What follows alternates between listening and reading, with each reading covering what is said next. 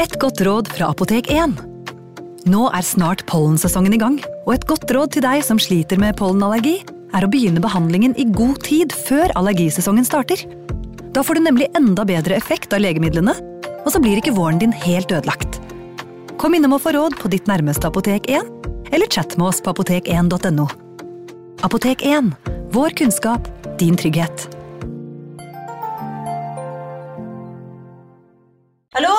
Jeg kommer fra Oslo politikammer. Ine Jansen er purk. Er du purk? The motherfucking bitch. Alt jeg vil, er å finne ut hva som skjedde med mannen min. Jon Carew. Er jeg sikta for noe? Iben Akeli. Det er du. Ole So, Lars Berrum og Big Daddy Karsten. Hvem sin side er du på, egentlig? Anette Hoff, Tone Danielsen, Kommer du fra Afrika? Jørnis Josef, Nesten. Kløfta. Trond Espen Seim, Det er synd å si det, men det var feil mann som døde. Purk. Premiere tirsdag på TV2 Play. Ungsamtalen fra DNB er økonomisk veiledning tilpasset deg som er ung. Bokk en ungsamtale på dnb.no. slash ung. Det er kjempebra hvis du skal inn på boligmarkedet, hvis det er drømmen din, liksom. Det er det du skulle sagt. Og så kunne du ropt litt mer, da, sånn som jeg gjorde. Bam! Advarsel. Denne podkasten inneholder skildringer av ekte drap og kriminalsaker som kan være støtende for enkelte. Det advares også mot sterke inntrykk i deler av episoden. I løpet av to dager i 2011 ble Spreckles Mansion, et storslått herskapshus i Cornado, California, åsted for to grufulle hendelser. Millionbygget var eid av Jonah Shackney, som benyttet det som et feriehjem. Der tilbrakte han tid med sønnen Max og kjæresten Rebecca Sahau, så vel som Rebeccas søster Sina, som var på besøk. Den første av de to tragediene fant sted 11. juli. Seks år gamle Max Shackney var hjemme med Rebecca og Sina da han ramlet over trapperekkverket og pådro seg stygge skader i fallet fra andre etasje. Da Rebecca fant han kort tid senere, var Max bevisstløs og ga ikke fra seg noen livstegn. Hun ringer umiddelbart etter en ambulanse, for tilstanden hans er kritisk. På sykehuset oppdager de at ryggraden hans har blitt skadet i fallet. Det har gjort at hjernen hans ikke har fått tilstrekkelig med oksygen, og han har fått en alvorlig hjerneskade. Jonas' bror Adam ankommer Spreckle Mansion dagen etter, den 12. juli. Samtidig drar Rebekkas søster Sina hjem til Missouri. Jonah tilbringer natten ved sønnens side, sammen med ekskona og Max sin mor Dina Romano. Neste morgen oppdager Adam Rebekka Sehau hengende fra en balkong med utsikt over gårdsplassen. Hun er naken, med et tau knyttet rundt halsen. Hendene og føttene hennes er bundet sammen, og hun er kneblet av en T-skjorte som er surret rundt hodet hennes. På soveromsdøren hennes er det malt en kryptisk melding. Adam kutter Rebecca ned før politi eller ambulanse rekker å ankomme villaen. Hun er livløs, og forsøkene på gjenoppliving feiler. Rebecca blir erklært død på stedet. Måten Rebecca ble funnet på høres umiddelbart mistenkelig ut, men dødsfallet blir erklært som selvmord, noe Rebeccas familie nekter å godta. Få dager senere, den 16. juli, dør også Max Shackney som følge av skadene han pådro seg i fallet.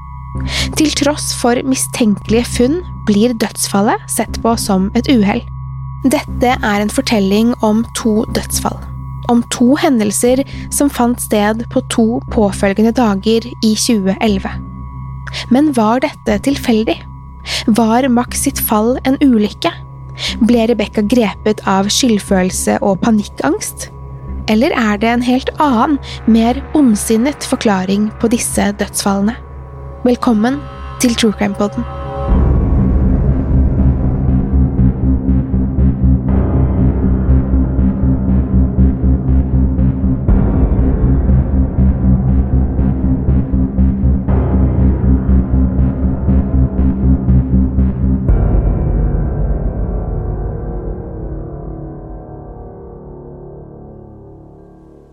Rebecca Sehau ble født den 15. mars i 1979 i Falam i Chin-regionen i Myanmar.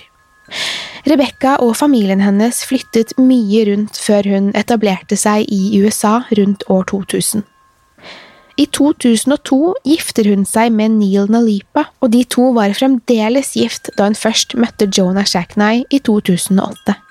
Jonah Shackney var administrerende direktør i Medicis Pharmaceutical, en jobb som gjorde han svært velstående, og som igjen introduserte Rebekka for en helt ny livsstil. Shackney hadde tre barn fra to tidligere ekteskap, deriblant Max med ekskona Dina Romano. Hans første ekteskap hadde endt svært stygt og resultert i en konfliktfylt kamp om omsorgsretten for barna. Ekteskapet med Dina hadde heller ikke vært en dans på roser. De hadde kranglet jevnlig og aggressivt, og det skal ved flere anledninger ha resultert i voldelige episoder. Jonah og Rebekka var i 2011 blitt et seriøst par, og Rebekka og hennes 13 år gamle søster Sina tilbrakte sommeren sammen med Jonah og Max i fasjonable Spreckles Mansion. Seks år gamle Max skal ha vært alene da ulykken hans fant sted, noe som gjør at ingen med sikkerhet kan si akkurat hvordan han falt over rekkverket. Fallet var ikke spesielt høyt, så Max må ha falt med hodet først mot det harde steingulvet, som dermed påførte han alvorlige skader på både hodet og ryggvirvelen hans. Det var skaden på ryggvirvelen som først ble antatt å forårsake dødsfallet, dette igjen førte til en mangel på oksygen til hjernen. Den aksepterte teorien må ha vært at Max må ha falt over rekkverket midt i en lek. Det var i hvert fall både baller, sparkesykler og andre leker i nærheten av ulykkesstedet som kan underbygge denne teorien. Både Rebekka og Sina var i huset, og Rebekka kom stormende til da hun hørte lyden av det som viste seg å være Max sitt fall. Legene som behandlet Max, er usikre på om skadene hans samsvarer med fallet alene.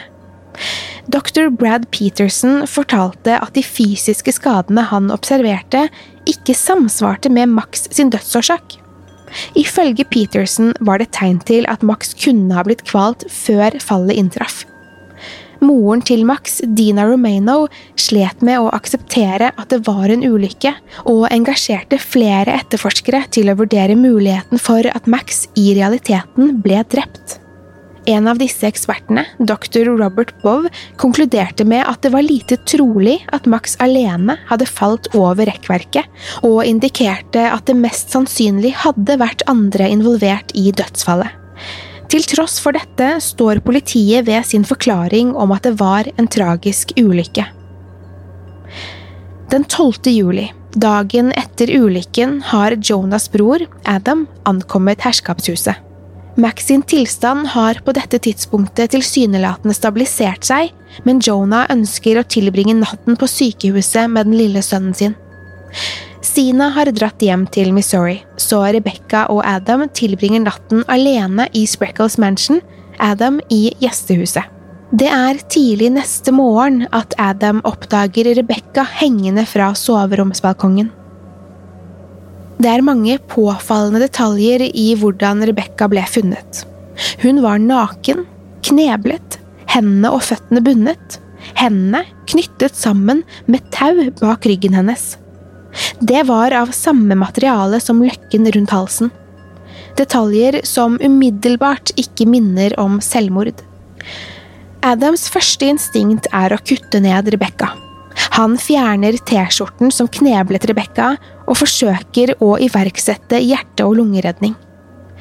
Han fortsetter mens han ringer etter en ambulanse.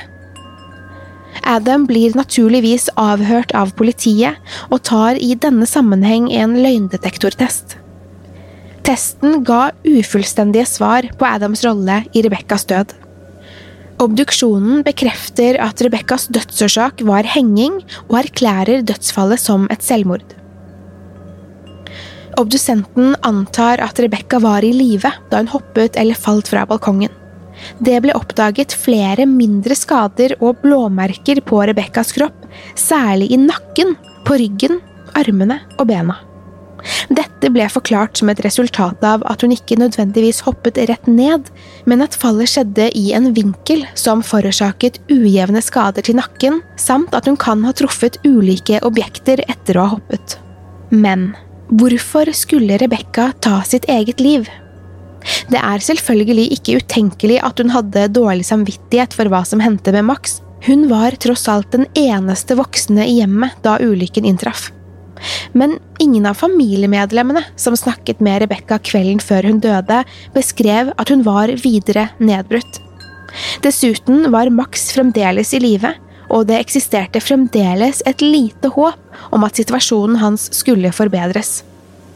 I timene før hun døde, snakket Rebekka med familien sin i Missouri på telefonen. Hun mottok også en melding fra Dina Romanos tvillingsøster Nina, som ville komme innom for å snakke med henne om Max sin ulykke.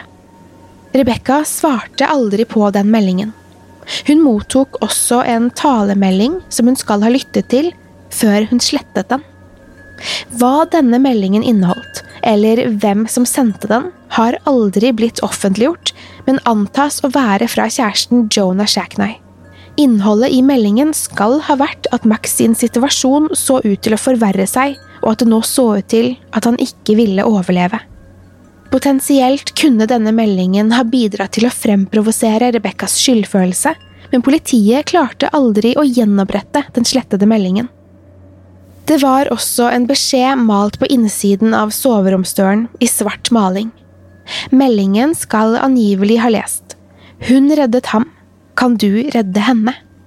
Men heller ikke dette har blitt bekreftet av politietterforskerne.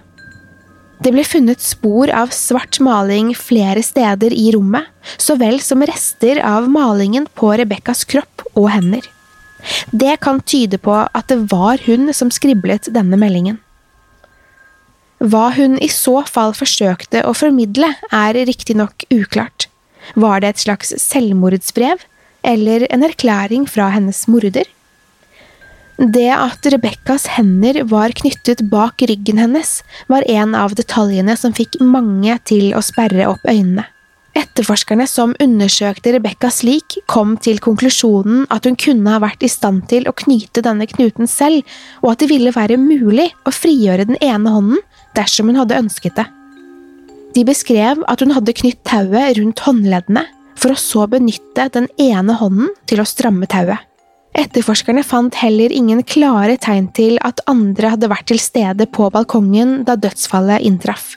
Dette var hovedsakelig basert på at det, med unntak av skoavtrykket til en politimann, ikke ble funnet noen andre fotspor enn Rebekkas på balkongen. Videre konkluderte de med at disse fotavtrykkene samsvarte med ideen om at hun hadde klatret over rekkverket selv og hoppet frivillig fra balkongen. Etterforskerne fant heller ingen andre spor på soverommet som fikk dem til å spekulere i at noen andre enn Rebekka hadde vært der natten hun døde. Disse oppdagelsene ledet politiet til konklusjonen om at det var et selvmord. Rebekka ble av visse kilder beskrevet som deprimert i en periode, også før Max sin ulykke. Hun skal ha blitt mindre aktiv, sluttet å spise og sovet dårlig. Politiet så dermed det i kombinasjon med nyheten om Max' stadig mer kritiske tilstand som faktorer som drev henne til å ta sitt eget liv. Rebekkas familie var riktignok ikke overbevist om denne forklaringen.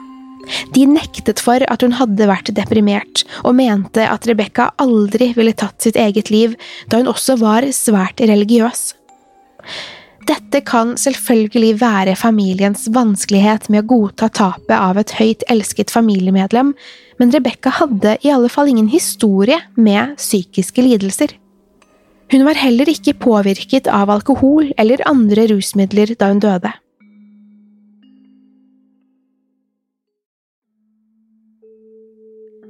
September 2011 Politiet erklærer etterforskningen for avsluttet og selvmord som den offisielle forklaringen. Rebekkas familie var svært opprørt over resultatet av etterforskningen. De engasjerte raskt advokater og egne etterforskere i et forsøk på å få svarene de mente de fortjente. De var overbeviste om at Rebekka hadde blitt drept, og beskyldte politiet for å ikke ha gjennomført en grundig nok etterforskning. Saken hadde allerede fått massiv medieoppmerksomhet, og flere engasjerte seg i jakten etter svar på hva som egentlig skjedde natten da Rebekka Sehau døde. Som et direkte resultat av oppmerksomheten engasjerer Sehaus familie den profilerte advokaten Ann Bremner, som etter å ha vurdert familiens sak, bestemmer seg for å hjelpe familien pro bono.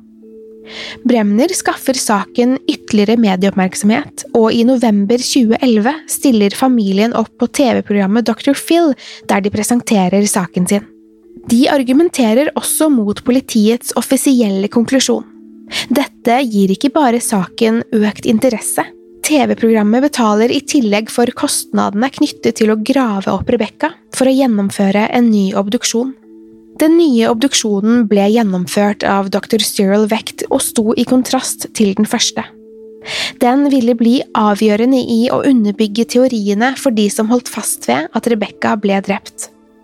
Dr. Vecht var etter å ha gjennomført sin obduksjon skeptisk til at Rebekka hadde tatt sitt eget liv, og pekte på de ulike skadene som var påført Rebekkas nakke. Dette hadde tidligere blitt antatt å være skader påført av tauet. Dr. Vekt mente at det var umulig å konkludere med sikkerhet at det ikke var et resultat av kvelning påført før hengingen fant sted. Fraværet av skader på armene hennes som matchet de påført ryggen, var også noe Vekt påpekte som underlig. Han mente det ville være naturlig å finne tilsvarende skader der, siden armene hennes var bundet fast bak ryggen. Videre peker dr. Vekt på fire slag som var påført Rebekkas hode. De hadde i første omgang blitt antatt å være kontaktskader som hadde oppstått etter at Sehau hadde hoppet fra balkongen. Under den første obduksjonen ble det antatt at Rebekka kunne truffet balkongen, planter eller andre gjenstander, men Vekt mente at dette også var vanskelig å bekrefte. Disse skadene kunne ifølge dr. Vekt like gjerne være påført av slag med en knyttneve eller en annen stump gjenstand. Skadene var ikke i seg selv nok til å drepe Rebekka, men Vekt mente at de kunne være nok til at hun hadde mistet bevisstheten. Dette åpnet ifølge Vekt opp en rekke muligheter der en potensiell gjerningsmann lettere kunne ha manipulert kroppen til et bevisstløst offer, og dermed kunne forklart hvorfor det ikke var tydelige tegn til motstand fra Rebekka. Videre argumenterte dr. Vekt at dødsflekken observert på Rebekka Sehau ikke samstemte med død ved henging. En dødsflekk er et merke som skapes av at blodet siver mot det lavest liggende området på kroppen og danner blødninger, vanligvis én til to timer etter at døden inntreffer. Dr. Vekt hevdet derfor at denne blodansamlingen burde vært lokalisert lengst nede på Sehaus lemmer, men fant isteden at dødsflekken var lokalisert ved korsryggen hennes. Han mente det indikerte at hun hadde dødd liggende på ryggen. Dette er riktignok ikke helt korrekt, for dødsflekker kan flytte på seg innen det første døgnet, og vil dermed kunne forklares av at Adam Shackney kuttet Rebekka ned bare timer etter at hun angivelig hoppet fra balkongen. Videre diskuterte Vekt andre funn som har vært kilde til ulike teorier. Det ble oppdaget blod på Sehaus lår og vagina, men dette var antatt å stamme fra menstruasjon, og det ble ikke oppdaget tegn til seksuelt misbruk. Det ble også funnet teiprester rundt Rebekkas ankler. Akkurat det har vært kilde til ulike spekulasjoner om hvorvidt en potensiell drapsmann kan ha forsøkt å teipe bena hennes sammen, før han til slutt bestemte seg for heller å binde de sammen med tau. Det var få konkrete bevis om at Rebekka Sehau ble drept ifølge dr. Wecks oppdagelser, og politiet kritiserte ham i etterkant for å forsøke å vri og vende på bevisene med formål om å skape tvil rundt funnene.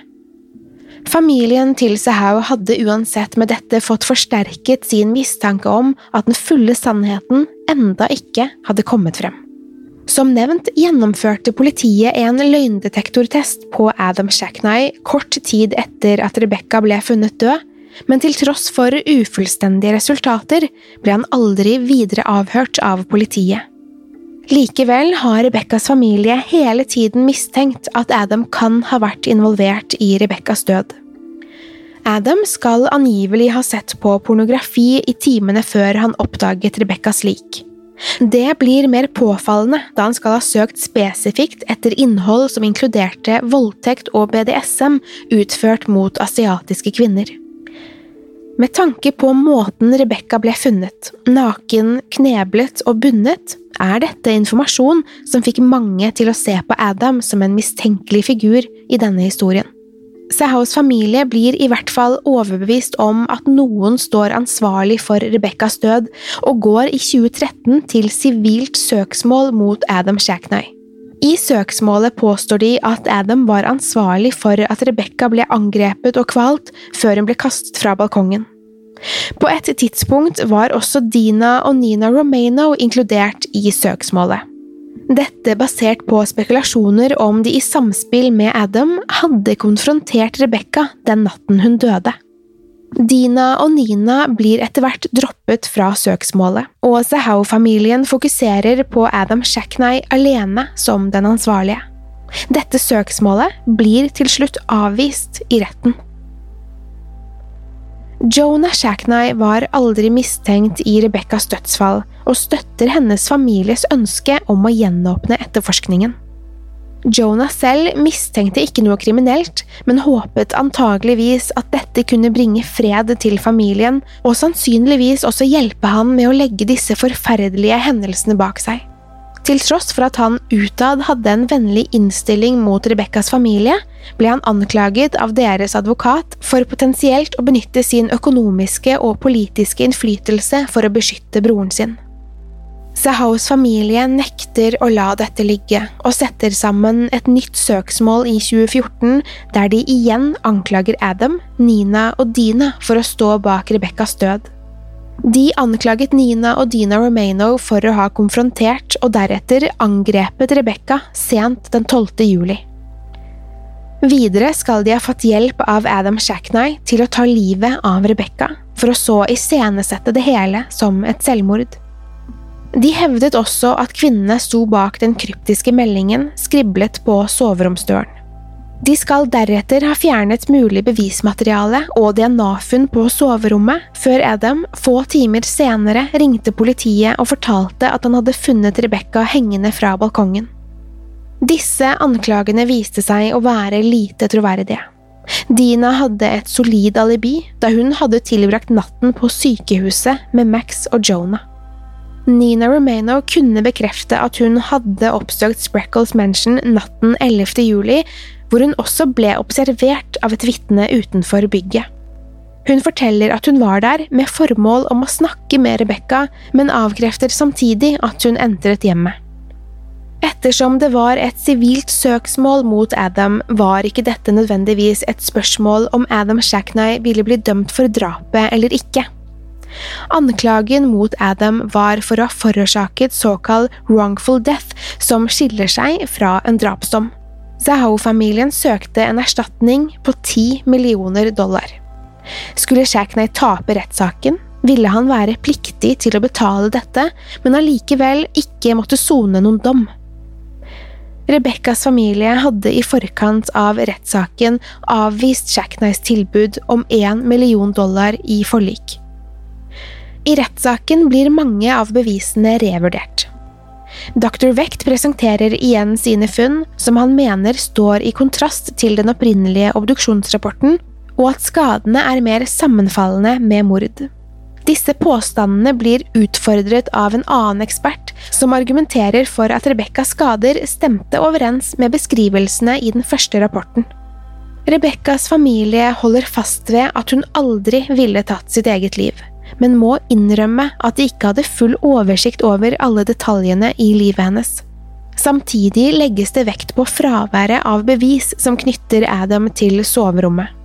Politiet presenterer også en tekst de har funnet på Rebekkas mobil, som underbygger ideen om at hun hadde vært deprimert.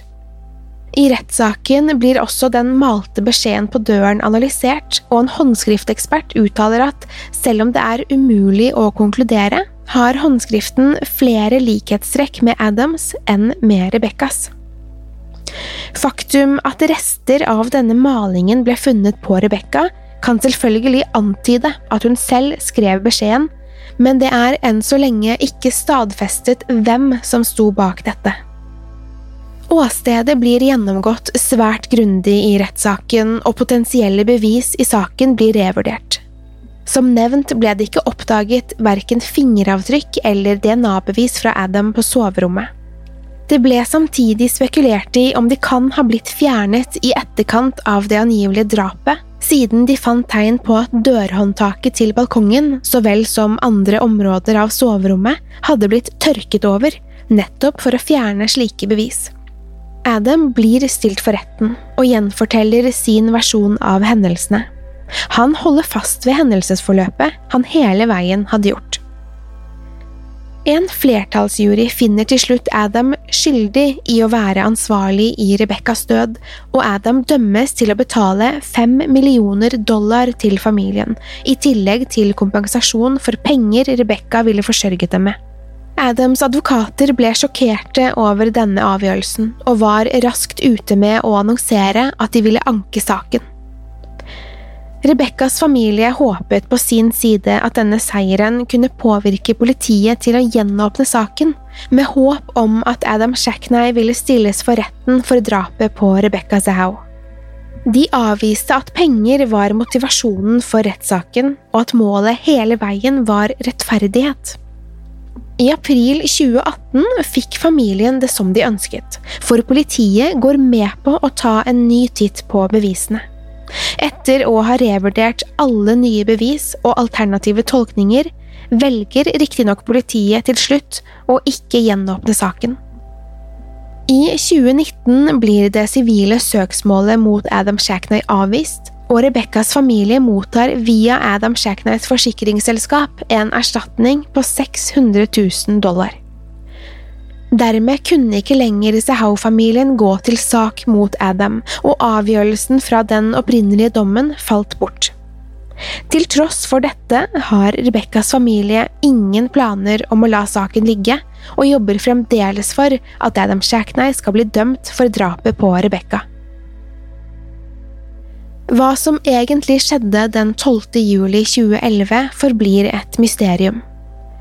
Fraværet av tekniske bevis mot Adam Shackney er naturligvis vanskelig å se bort fra, men det er samtidig mange merkelige detaljer i Rebekkas dødsfall som får en til å stille spørsmål rundt hendelsesforløpet.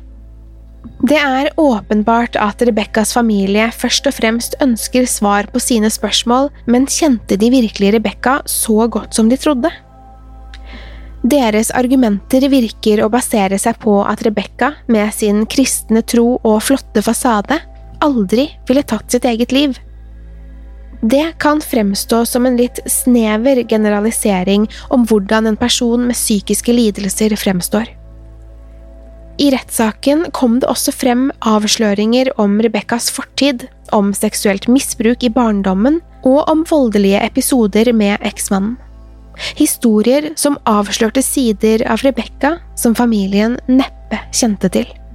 Det er likevel vanskelig å nekte for at bevisene i saken gjør det interessant i å spekulere i hva som egentlig hendte. Hvis Rebekka tok sitt eget liv, hva var det da som gjorde at hun valgte å gjennomføre det den natten? Var det talemeldingen fra Jonah som utløste det? Var det skyldfølelsen over at hun egentlig skulle passe på Max? Og hvis hun ble drept, hvorfor akkurat denne kvelden? Ble drapet bestilt som en hevn for hva som hendte med Max? Var det seksuelt motivert? Det var ingen tegn til seksuell aktivitet i forkant av dødsfallet hennes, og selv om en drapsmann kunne funnet seksuell nytelse uten penetrering, gjør det teorien om seksuelt misbruk mindre plausibel. Kanskje vil man aldri få svar på hva som hendte. Rebekkas familie må leve i uvissheten om at hennes drapsmann går fri. Men dersom det var selvmord, må Adam Shackney også sies å være et offer i denne saken. I ni år har han blitt mistenkt og anklaget for det angivelige drapet, og må for alltid leve med beskyldningene som henger over ham. Søket etter sannheten fortsetter uansett fremdeles. True Crime-podden er produsert av moderne media. Mitt navn er Pernille Tufte Radeid, og jeg vil takke Håkon Bråten for produksjon, lyd og musikk, og Anders Borgersen for tekst og manus. Til neste gang, pass på deg selv, og takk for at du har hørt på True Crime-podden.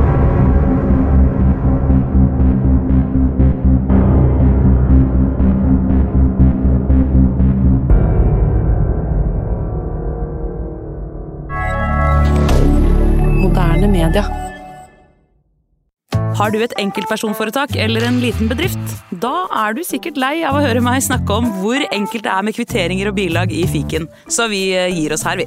Fordi vi liker enkelt. Fiken superenkelt regnskap. Hei! Takk for at du lytter til True Crime Podden. Skulle du ønske at du kunne høre en ny episode av denne podkasten hver eneste uke? Vel, da er det bare å laste ned podkastappen Untold med en gang. I tillegg til ukentlige episoder av podkaster som Skrekkpodden, Synderne og Henrettelsespodden, får du masse annet reklamefritt og eksklusivt innhold. Last ned Untold i AppStore eller Google Play, og start din 30 dagers prøveperiode i dag.